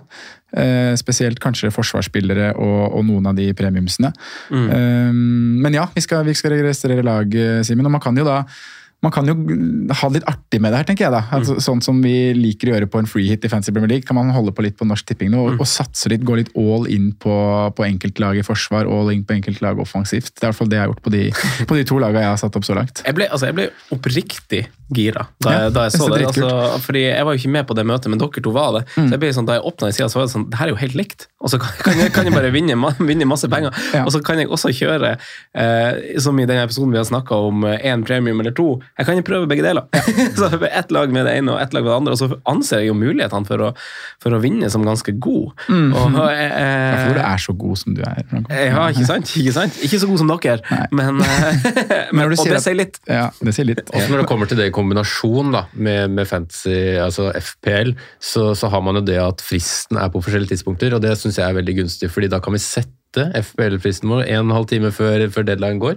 Så kan vi holde på med å gå rett over på Norsk Tipping og gjøre klart laget, gjøre byttene eh, etc., fordi fristen der er kickoff av første match eh, i runden. Ja, så du får alltid lagoppstillinger òg. Ja, det gjør er faktisk. en, som kan være ganske gunstig. Så er det sånn som du sier, da, når det er andre som setter prisene, eh, så blir det en annen dynamikk. Og vi kommer til å komme inn på både jokere og spillere Mm. som på en måte kanskje er mindre aktuelle i, Ja. i det systemet. Men bare for å ta liksom forskjellene, da, bare gjøre de eh, klart med en gang, så er det jo ikke chips. Det er jeg veldig glad for, for jeg treffer aldri på triple captain uansett. Jeg traff faktisk i fjor. Jeg Eh, på det Det er benchbusten jeg er mest glad for å bli kvitt. Altså, slippe å drive og bygge Ja, til den, den, den benchbusten. Poengsystemet er så å si helt likt. Det er ikke bonuspoeng, som det er i FPL. Mm. Fair enough. Og det er et halvt poeng per skudd på mål. Noe som kanskje gjør jeg vil si trigger-happy spillere Det mer gjør i gjør aktuelle. fall Watkins uaktuell. Ja, vi snakker om at Watkins og P Det er noen gutter som De er lite aktuelle på Fancy Premier League, men her er de enda mindre aktuelle. Jeg, jeg, tenker, jeg tenker Kane Salah med en gang, for de er veldig trigger-happy. De skyter mye. De har ganske bra sånn Uh, Skudd ja, på de- mål. Ja, Shots on target. Ja, jeg er enig. Og der har du også spillere som er hakket billigere enn de er på FBL, med- Mm. med at eh, det er en halv million ned på begge. 12,5, 11. Eh, Så de var blant de to første jeg, eh, jeg satte inn på laget mitt. Ja, samme her. Kane og, Kane og Salah? Ja. Dere har dem begge. For jeg har, altså mitt, eh, På mitt lag så har jo jeg eksperimentert med, med det her én premium som jeg har vært så fysen på i hele sommer, egentlig. Så jeg har bare Kane. Men her er jo også Louis Diaz. Han er jo kneppe, kneppe dyrere enn han er på, på Fancy Premier League. Så jeg har jo Men jeg har lurt han inn allikevel, så Så ekskluderer ikke han, altså han er 1,5 million dyrere. Hæ? Det ekskluderer ikke Louis Nei, Diaz altså jeg vil jo eh, Ja, det er mulig jeg var litt fastsatt på ideen av hvordan jeg ønska å prøve det her, men jeg ser jo får et ganske decent lag. Men det er jo Jeg føler jo at dynamikken blir på en måte litt det samme. altså Prisforskjellene er ikke så store at, at at laget som totalpakke blir veldig annerledes, at spillet føles veldig ulikt. For det er jo, Jeg føler jo at jeg sitter på Fancy Premier League-sida og gjør det. Og jeg vet at det er akkurat de samme reglene. Altså det blir jo veldig sånn, Når du spiller Fancy Premier League på sida, så er det jo veldig sånn overførbart. Det er jo akkurat det samme. Det er jo brukt en, på en måte en samme slags hva skal vi kalle det, en trappemodell, hvor liksom de dyreste forsvarerne er fra det beste laget, de offensive er de dyreste, og det er motsatt på det billigste, men du finner jo på en måte alltid, alltid varp. Få høre noe varp da, Simen. Saliba, som starter 4,5. 4-5 der! Jeg syns han er spennende. Jeg syns Pascal Stroik som er fire mil du har, Jeg finner to da, eh, fire, fire blankforsvarere som jeg syns eh, er gode, med tanke på at de i hvert fall kommer til å spille fast. Salisu og Pascal Stroik. Ja, og kanskje Ryan Fredericks på Bournemouth. Ja, men jeg, ja, kanskje ikke så Nei, kanskje ikke, kanskje ikke kanskje ikke Det samme med keepere. Man har De har jo også hele fire rekker til Bournemouth koster fire flere keepere. Travers i Bournemouth som nevner kan stå der. McCarty vil jeg tro starter som keeper for Ja. Southampton. Han starter der. I tillegg som at jeg har eh, valgt uh, ikke, ikke som fire du blank, men uh, Nick Pope. Som 4-5. keeper, 4-5. Ja, Syns han prises inn som aktuell. Han, han ligger i sånn med, mellomsjikt i FBL. Klarer liksom ikke å bli helt happy med å ta han inn fordi at det er så kort vei til andre. Mm. Her det, er det, det det samme som Mendy og Ramsdale. ja, mens her er det på en måte litt annerledes eh, struktur. Da, da synes jeg på en måte kanskje Nick Pope er den som utpreger seg aller mest. Jeg har funnet det var på midten, som jeg synes er kjempeaktuelt, um, i Gibbs White. 4-5. 4-5. Mm. Ja. Der har vi jo funnet en liten slags potensiell hack. Men så er det ganske mange like- klubb eller spiller OMS der i skadefraværet til Raúl Jiménez og Pedro Neto på topp der eh, som out of position, og Morgan Gibbs White som trer han gjennom. Mm. Da snakker vi. Så har du på en måte åttebanden eh, ganske, ganske likt der også. Da. Du har eh, Jared Bowen som har hakket ned til åtte blankt, og Saka Madison Foden som beholder seg på åtte. Det er faktisk Rashford helt oppe på åtte. Der har de, de snudd litt. for Han Rashford har er jo- litt ut. Litt ut kanskje her, da. Men uh, Sancho som er til lik pris, han syns jeg er på en måte aktuell i begge spillene. Men se, her har de jo gjort hjemmeleksa si, for Neko Williams koster jo fem. Han koster Ja. fire, som han gjorde i, Det er også i en som kanskje er prisa ut, da. Vet at han tar litt dødballer. Altså. Han er prisa ut her, det er han nok, men da Så la jeg merke til at det var ikke noen angrepsspillere til 4-5. Eh, som på en måte bare er litt sånn annerledes enn det vi, um, enn det vi har, har hatt. Men riktignok en spiller som var i hvert fall veldig populær i starten, uh, når spillet var sluppet, var jo det godeste Undav. Som vi ennå egentlig ikke har funnet mysteriet om. Hva, hvor, altså, hvem er det? Hvor god er han? Skal han spille? Skal han ikke spille? Skal han, avslutter han bedre enn Mopé? Gjør han det ikke? Uh, han er jo faktisk på en måte gratis, da, med at han har minstepris her. Det taler kanskje for tre spisser, da.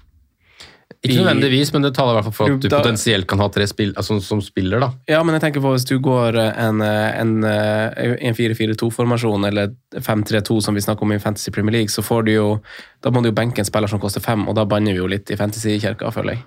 Gjør man ikke det? Nei, men det, det, er jo altså, det er den billigste, så han er jo Ja, jeg vet, jeg vet det. Derfor Ja. det taler litt for at man kjører tre spisser, kanskje. Jeg kan i hvert fall tenke det. Ja, For å riktig. få mest midler i Nei, jeg har satt opp uh, rekke med, med Undav og tenkt han som benk, da. Ja. Eh, per nå, men så vet vi jo dette altså, det første, De første draftene man setter, eller de tidlige draftene man setter, er jo ikke det man ender på. Jeg kommer til å sitte her og trykke kontinuerlig fram til, eh, til fredag. Eh, Så ser man jo Haaland er halv million opp, det er jo mer riktig. Tolv. Kane en halv Eh, million Kane er ned. litt overraskende, kanskje. Ja. Jamie Vardy en halv million ned. Ni blank. Han har jeg eh, banka rett inn på laget mitt. Ja, for han er likt med Jesus nå. Ja. Ja, for han er på Jesus samme som. Jesus og Darwin Núñez. Og det er Ja. jo riktig. Ja. På en måte at de er Det er spennende. pris, altså. kanskje. Blir det Jeg, nier- jeg syns Darwin, er for billig. Ja, kanskje for billig. En niertrio på topp. Ja. Trio Hvis ikke du skal lure inn en Patrick Bamford til sju, med Leeds sin åpning og formen han viste mot Cagliari i går. Jeg kan love deg at jeg skal ha Patrick Bamford på ett av lagene mine. på, et, på et av de fem du kan ha. Det er jo, jeg syns egentlig det er ganske spennende med han eh, Skamakka også, da, til 6,5. Ja, jeg så at han la inn til 6,5, men jeg frykter også det, Franco, at det er en, eh, en floppis. Sam Ja. Johnstone også er jo en keeper når vi er inne på det, Simen, som, som koster fire blank. Du har både han og Butland til fire, fire blank i, i Palace der, i tillegg til Guita. Ja, for de som fire regner med Goita fortsatt. Jeg, Ja. Hvordan har det sett ut i preseason, egentlig? Har dere fulgt med på det? Nei, De har jo vært i hvert sitt land, da. Så det er det som har vært litt Ja, problemet. det er umulig å klokere på de tre potensielle keeperne i, i Palace. Skal vi se hvem som starta siste kamp mot eh, Montpellier. For jeg så også Jeg prøvde å følge med lyst- på jeg har lyst lyst til å reise til Montpellier. Mm. Det er fin plass. Det kan du gjøre når du har vunnet uh, premiepotten til Norsk Tipping. når, når, når jeg har det. Veldig bra. Nei, men eh, Mens du leter frem det, Sondre, så kan jeg jo påpeke at man finner jo altså du finner jo linken til dette spillet på, i bioen på denne episoden. Eh, du finner den på Instagrammen vår, du finner den på Twitter og på Facebook. Den kommer til å ligge der en stund, så det er jo bare å få ut fingeren og, og kaste inn et lag. Det blir faktisk ganske artig, tror jeg. Jeg har eh, som sagt oppriktig trua på at det blir ganske kult. Jeg tror også det. Så er jo fristen på å, å bli med på det sesongspillet her, det er viktig å huske på at den er klokka ni på fredag. Da, hvis man skal være med på sesongspillet og, og ha muligheten til å vinne Eller være inn der, så må man jo være med på alle 38 rundene. Det her er det liksom, Du kan ikke komme, komme en runde inn i det, og da har du tapt eh, 60-70-80 poeng. da. Så det er viktig å huske deadline fredag klokka 21.00. Eh, og Kan du sitte og sette opp laget da, mens det er build-up til Crystal Palace eh, Arsenal? Helt nydelig. Får du lineups, da vet du om det er Johnston eller Guita som starter i mål, om du skal ha firekeeperen din eller fire-femkeeperen din. Ah, nå snakker vi! Guita starta mot Montpellier. Nå snakker vi. La du merke til Havertz, forresten? Han var eh, midtbane. Midtbane. Ja. Den så jeg. Å, åtte? Nei, Åtte? Nei, 8,5. åtte og en halv. Men en annen ting er også at det kommer jo Det her er jo sesongspillet, eh, men det kommer jo også rundespill utover. Mm. eh, Hvor man kan, eh, hvor man kan sette opp Det, det spillet kall- kaller vi det bare for hovedrunden. Hvor Mm. man liksom kan ha Lørdagskupongen i fancy format? tipp, tippelappen, egentlig, da. Eller tippekupongen. Firerunden. Sett sammen din elver ut fra kampene som spilles klokka Mm. Og senkampen, var vel det.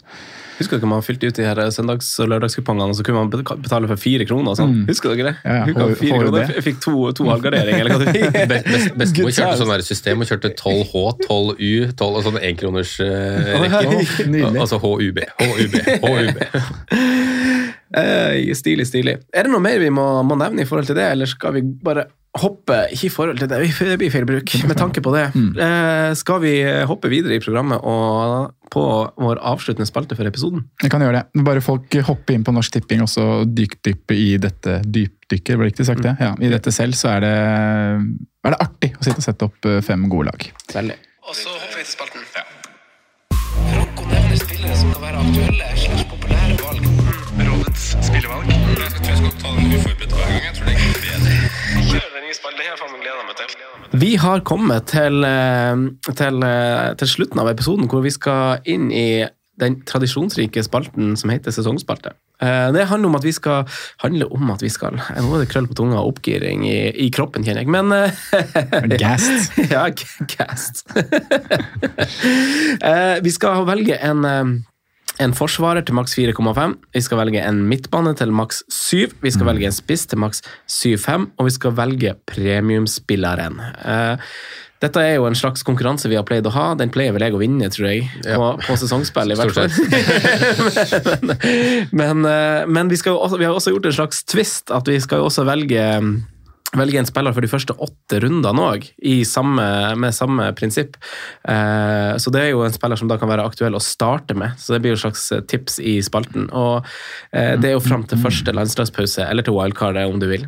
Eh, og så kan vi ikke velge samme mann, da. Så vi må jo ha gjort hjemmelekser og forberedt et eh, plan A, B og C eventuelt. Og, Eller så tar man det på sparket, Simen. Ja, det må ta på sparket. og Sondre, da skal du spin the wheel, skal du ikke det? For hvem som skal starte med 4-5? Skal vi gjøre det sånn? Er ikke det litt artig? Jo. Men skal du gjøre det på alle, eller skal du bare gjøre det nå, og så rullerer vi videre? Nei, vi gjør det på alle. Det på alle. vi gjør det på alle, ok. Og så får den som starter, velge hvem som går nummer to, eller? Nei.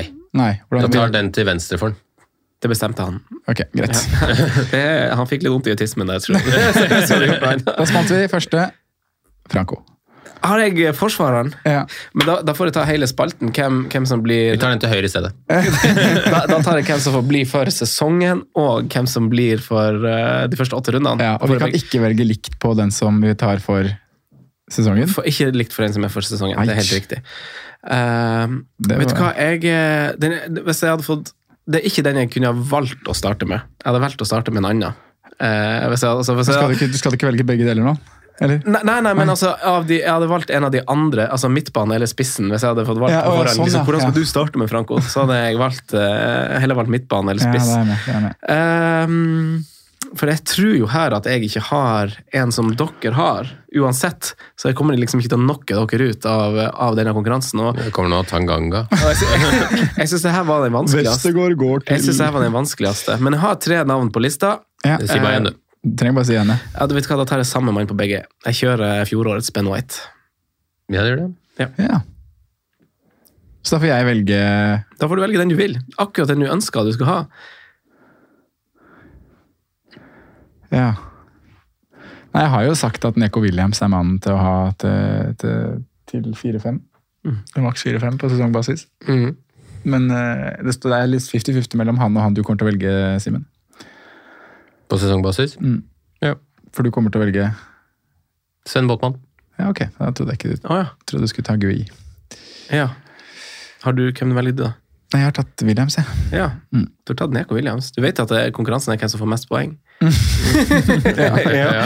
Men, ok, ok, men hvem, er, okay, hvem er din startspiller, da? Neko- Kastang. Ja. Mm. ja. Han uh, spilte høyrekant, han. Han var min nummer to. Ja, det går. Ja, jeg turte ikke ha ham på sesongbasis fordi eh, det har vært så mye ut og inn, og det er liksom tre spillere og sånn der. Men eh, han er veldig sexy, altså. Mm. Eh, da blir det på, på Da blir det Da blir det Botman. Eh, vi kjører Botman begge. Du kjører Botman. Botman fra start. Herregud, han var ikke engang i hodet mitt. Men Ja. jeg tror, jeg tror de to mm, defensive signeringene der kan gjøre ganske mye for et Newcastle. Newcastle. Altså, I Botman og Nick Pope. Det var jo, altså tredjevalget, Jeg hadde White først, Kastang nummer to. Mm. Og nummer tre så hadde jeg jo, apropos nye signeringer som kan gjøre ting defensivt, så hadde jeg Martinez som eh, nummer tre. United-stopper til fire-fem. Mm. Ikke dum, ikke dum. ikke dum. Jeg, vet ikke- jeg vet ikke hvor klink han er utover sesongen. Jeg har eh, Nico Williams uh, som sesongspiller, jeg også. Ja, og, men det blir på et litt annet grunnlag, Mm, fordi han ja. koster fire blank. Det er jo og- kanskje det man blir litt, eh, litt lurt av verdien, men det har jo det dødballer og Eh, jo- og Forest skal holde noen nuller. Og, hus, husker, dere, husker dere vi snakka om i preseason-episodene at, eh, at Forrest var det nest dårligste li- laget på, på å vinne hodedueller sesongen? som var, kom ikke til å skåre noe på dødlag. men Jeg må slippe inn på Vi har jo fått inn han, eh, han eh, Hva heter han for noe? En, en, en, ikke han stopperen. Enikate. Nikate. Ja. Jeg vet ikke hvordan du uttaler det. Ok, Hvem får velge først på Da har du Neko Williams og Kastang. Jeg har White og White, og han har Botman Botman. Eh, og, Kreative, dere. Vi spinner. Mhm. Midtbanen ble Det ble meg. Nei, det er ikke sist! Midtbane til maks sju. Ja. Jeg har sagt uh, Skal jeg ta begge med en gang? For det er samme mann. Vi vet jo hvem han Simen har, for han vil jo skru den opp på sju pga. en spiller. Mm. Jeg ville. Ja. Skal du ta han? Men jeg har en mann over som blir tatt nå. Jeg har dobbel Martinelli. Ja, ja, du har det, ja. Ok. Sesong blir Wilfred Sa. Ja. Mm. Men jeg tør ikke ta han på første åtte pga. programmet. Um, Fader òg. Dere tar begge mine. Nå må jeg faen meg finne opp kruttet. Mm. blir det Derfor jeg ville starte med den. Jack, Jack, Jack. hvem skal man ta på første, da? Martinelli. Kjører Martin Ødegaard. Ja, på det første åtte. Ja, den er Du ikke kjører dum. Martin. Å ja, det var jo litt stilig. Koselig av deg. Mm. Uh, vet du hva, første åtte, da kjører jeg uh, uh, Marcus Rashford. Så Han setter kassa mot eh, Brighton i sesongåpninga. Den er grei, og så tar han straffa fordi Bruno bomma på begge straffene sine, og Ronaldo ikke Han kom var bra inn med med det første. grey, og så rett opp uh, det målet der. ja. uh, og på sesongen, da, da tror jeg dessverre ikke det blir det. Der tror jeg dere har meg begge to, så da må jeg da må jeg rett og slett tenke litt annerledes. Hvorfor skal Jeg ikke henge noe ned, det kan jeg love deg. uh, på sesongbasis Vet du hva, da satser vi på oppsida i, eh, som du sier, eh, Sondre, Jack Grealish. Måtte bli det. Så jeg har Grealish Hvem andre er det til Det er altså, Altså- så lite å hente. jeg har Rashford Grealish. Ja, vi gjorde det med vilje for å unngå åttebanden. da. Ja. Ja, vi gjorde det. Den har vi jo rangert. Så jeg har Rashford Grealish, du har Gabrielli, Martinelli, Martinelli, Gabriele Martinelli. og du endte opp med Saha, sesong og Ødegaard eh, første åtte. Ikke noe Saint-Maxime her, altså. Nei, jeg var inne på tanken. Almiron til fem. Men jeg syns Saha er mer attempting enn en Saint Maximin. Ja. Ja. Sinistera. Ja, det er den skaden også kanskje ødelegger litt. da. Ikke første åtte, nei. Helt enig. Det kunne jo vært en fin en å ha hatt, eh, å hatt eh, Rodrigo første åtte, faktisk. Ja. ja. Vil du bytte? Nei. Spiss til maks 7-5, spin that wheel! Spin a wheel, og skal Simen få begynne? Nei. Franco. Er det jeg som begynner? Eh, første åtte kampene er det Patrick Bamford. Oi! Oi! Ja. Den hadde jeg òg. På sesongen så skader jo Wilson seg eh, rundt runde åtte. Skal jeg spå det, så er han ute til etter VM. Da burde du ha han Da har han, jo, da har han jo faktisk Da mister han ikke så mange kamper med skaden sin i år, faktisk. Nei. Så han kan kanskje ha rundet 30 kamper denne sesongen. Eh, nei, vet du hva, jeg går eh, Jeg går, og så må jeg Jeg har ikke fått nevnt han eh, i dag, men jeg nevnte han hyppig i preseason-episoder, og det er Ivan Towney. Ja, så Ivan Towney på sesong, og eh, Bamford som eh, Første åtte. er fint. Jeg har Ivan Towney som første åtte. Ja. Jeg synes jo, Bortsett fra de to første, så er det jo ganske kremprogram fram til Arsenal runde åtte. Så vi kjører på der og Mm. håper på noe straffespark og litt sånt. Så har jeg Wilson på sesongbasis. Mm, Tror, tror han skal unngå skader i år, jeg. Ja, Det gjør han ikke, men han kan få det under VM. jeg ville ha Wilson der, altså. Um, Martial, første åtte. Ja. Kjør! Det blir det. Uh, kunne blitt Wilson nå, men det er tre tøffe for Wilson der. Uh, sesong. Mitrovic. Liten tvil. Kongen Du er tilbake. Du, du fikk den, Kong faktisk. Aleksandr Mitrovic. Endelig, Du, du fikk brukt han til noe dugende. Du gjorde det. Den tar jeg. Sitter den. Hvem får velge premiumspiller først? Oi, vi skal det òg, Ja, det er jo bare sesongspiller, Ja. er ikke det? Premiumspilleren. Jeg fikk velge den. Ah, Stakkars Simen. Ja. Mohammed Salah. Da er jeg sist, ja. Eric Kane. Mm, jeg hadde tatt han. Da tror jeg Er det Braut eller De Brunch? De Brunch eller Braut, eller sånn Få få Brautebilen straffa, da. Raheem. Kan, kan gå til Jesus Kan gå til Jesus også, hvis du vil. Så, så dere første målet der, Raheem Stirling for Chelsea? Det blir ikke mer, eh, mer Raheem Stirling enn det. Liksom Prøve å chippe over en keeper som ligger nede, så klarer, klarer å redde. Så slår han den i han og i mål. Jævla snublefot. Eh, da velger jeg, eh, da velger jeg eh, Brauten. Ja. Det er gøy. Tenk at vi har to norske navn da, på en uh, sesongspalte i Premier League. Det er gøy. Dette, vi må oppdatere eh, må, må, vi, må, Ødegaard ble riktignok først åtte, men det går fint. Ja, Vi, det. Ja. vi må huske det. Vi må skrive det ned eh, Ja, første åtte og ta det, ta det i Ja, den for det glemmer vi faktisk skal gjøre. Å skri å skrive Ja, ned. jeg, jeg, jeg må høre den episoden hver gang på våren for å finne ut hva vi hadde.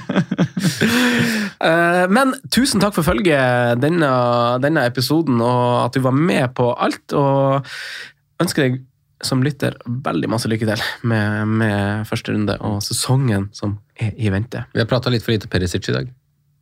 Oi! Det har vi faktisk. Ja, men jeg har aldri hatt han, faktisk. Ikke på ett eneste draft. Tror jeg hadde den på første. Jeg òg. Så tror jeg han har vært ute, ute etter det. Ville du si noe om Nei, jeg kom bare på han når han sto på nesten høyest eh, eierandel her. Men vi har, eh, vi har snakka masse premiumspillere og åttere, så det kan løse være liksom Man må lese litt mellom linjene òg, Ja. på hva man kan få til. Kan ikke få alt. Kan ikke få alt. Det er det som er artig. Perisic, ja. Han øh, var det jeg så for noe? Han var prisa til uh, Sjukt dumt at jeg ikke har det oppe når jeg begynner å snakke om det, men på, på godeste Norsk midtbane. Tipping Fancy, midtbane til 6-5. Ja. Midtbane 6-5, ikke sant? Skal ikke ha han der. Nei. Eh, tusen takk for følget. Og Simen og Sondre, as usual, sjukt artig å være i gang i studio. Sjukt artig. Mm. Veldig deilig. Snakkes neste gang. Adjø!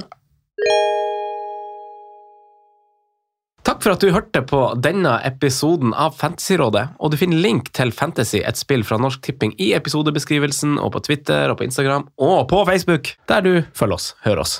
Vi minner om at du også må være fylt 18 år for å kunne delta i Fantasy fra Norsk Tipping. Og husk, spill med måte.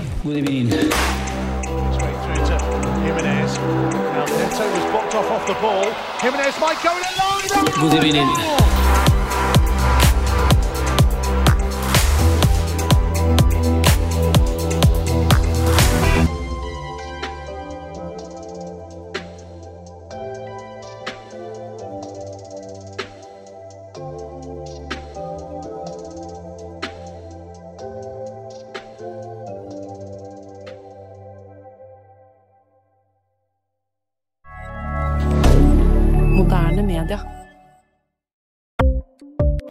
Ukens annonsør er Folio, en smartere banktjeneste for deg som har en egen bedrift eller ønsker å starte for deg selv. Folio er en superenkel nettbank for bedrifter. Som kunde i Folio får du en bedriftskonto med et bedriftskort og app. I denne appen er det smarte løsninger som forenkler regnskapet ditt, uansett om du har en liten bedrift eller et enkeltpersonsforetak. Folio er både intuitivt og brukervennlig, og er laget med et enkelt språk. I tillegg tilbyr de forutsigbare priser og ingen skjulte gebyrer. Skulle du likevel trenge det, så kan du snakke med deres raske og hyggelige kundeservice, og der får du prate med en faktisk person og ikke en chatbot. Folio er med andre ord både enklere og koseligere enn banken. Over 10 000 bedrifter har allerede valgt Folio som sin banktjeneste, så besøk folio.no og se hvordan Folio kan forenkle din hverdag også. Har du et enkeltpersonforetak eller en liten bedrift? Da er du sikkert lei av å høre meg snakke om hvor enkelt det er med kvitteringer og bilag i fiken, så vi eh, gir oss her, vi. Fordi vi liker enkelt. Fiken superenkelt regnskap.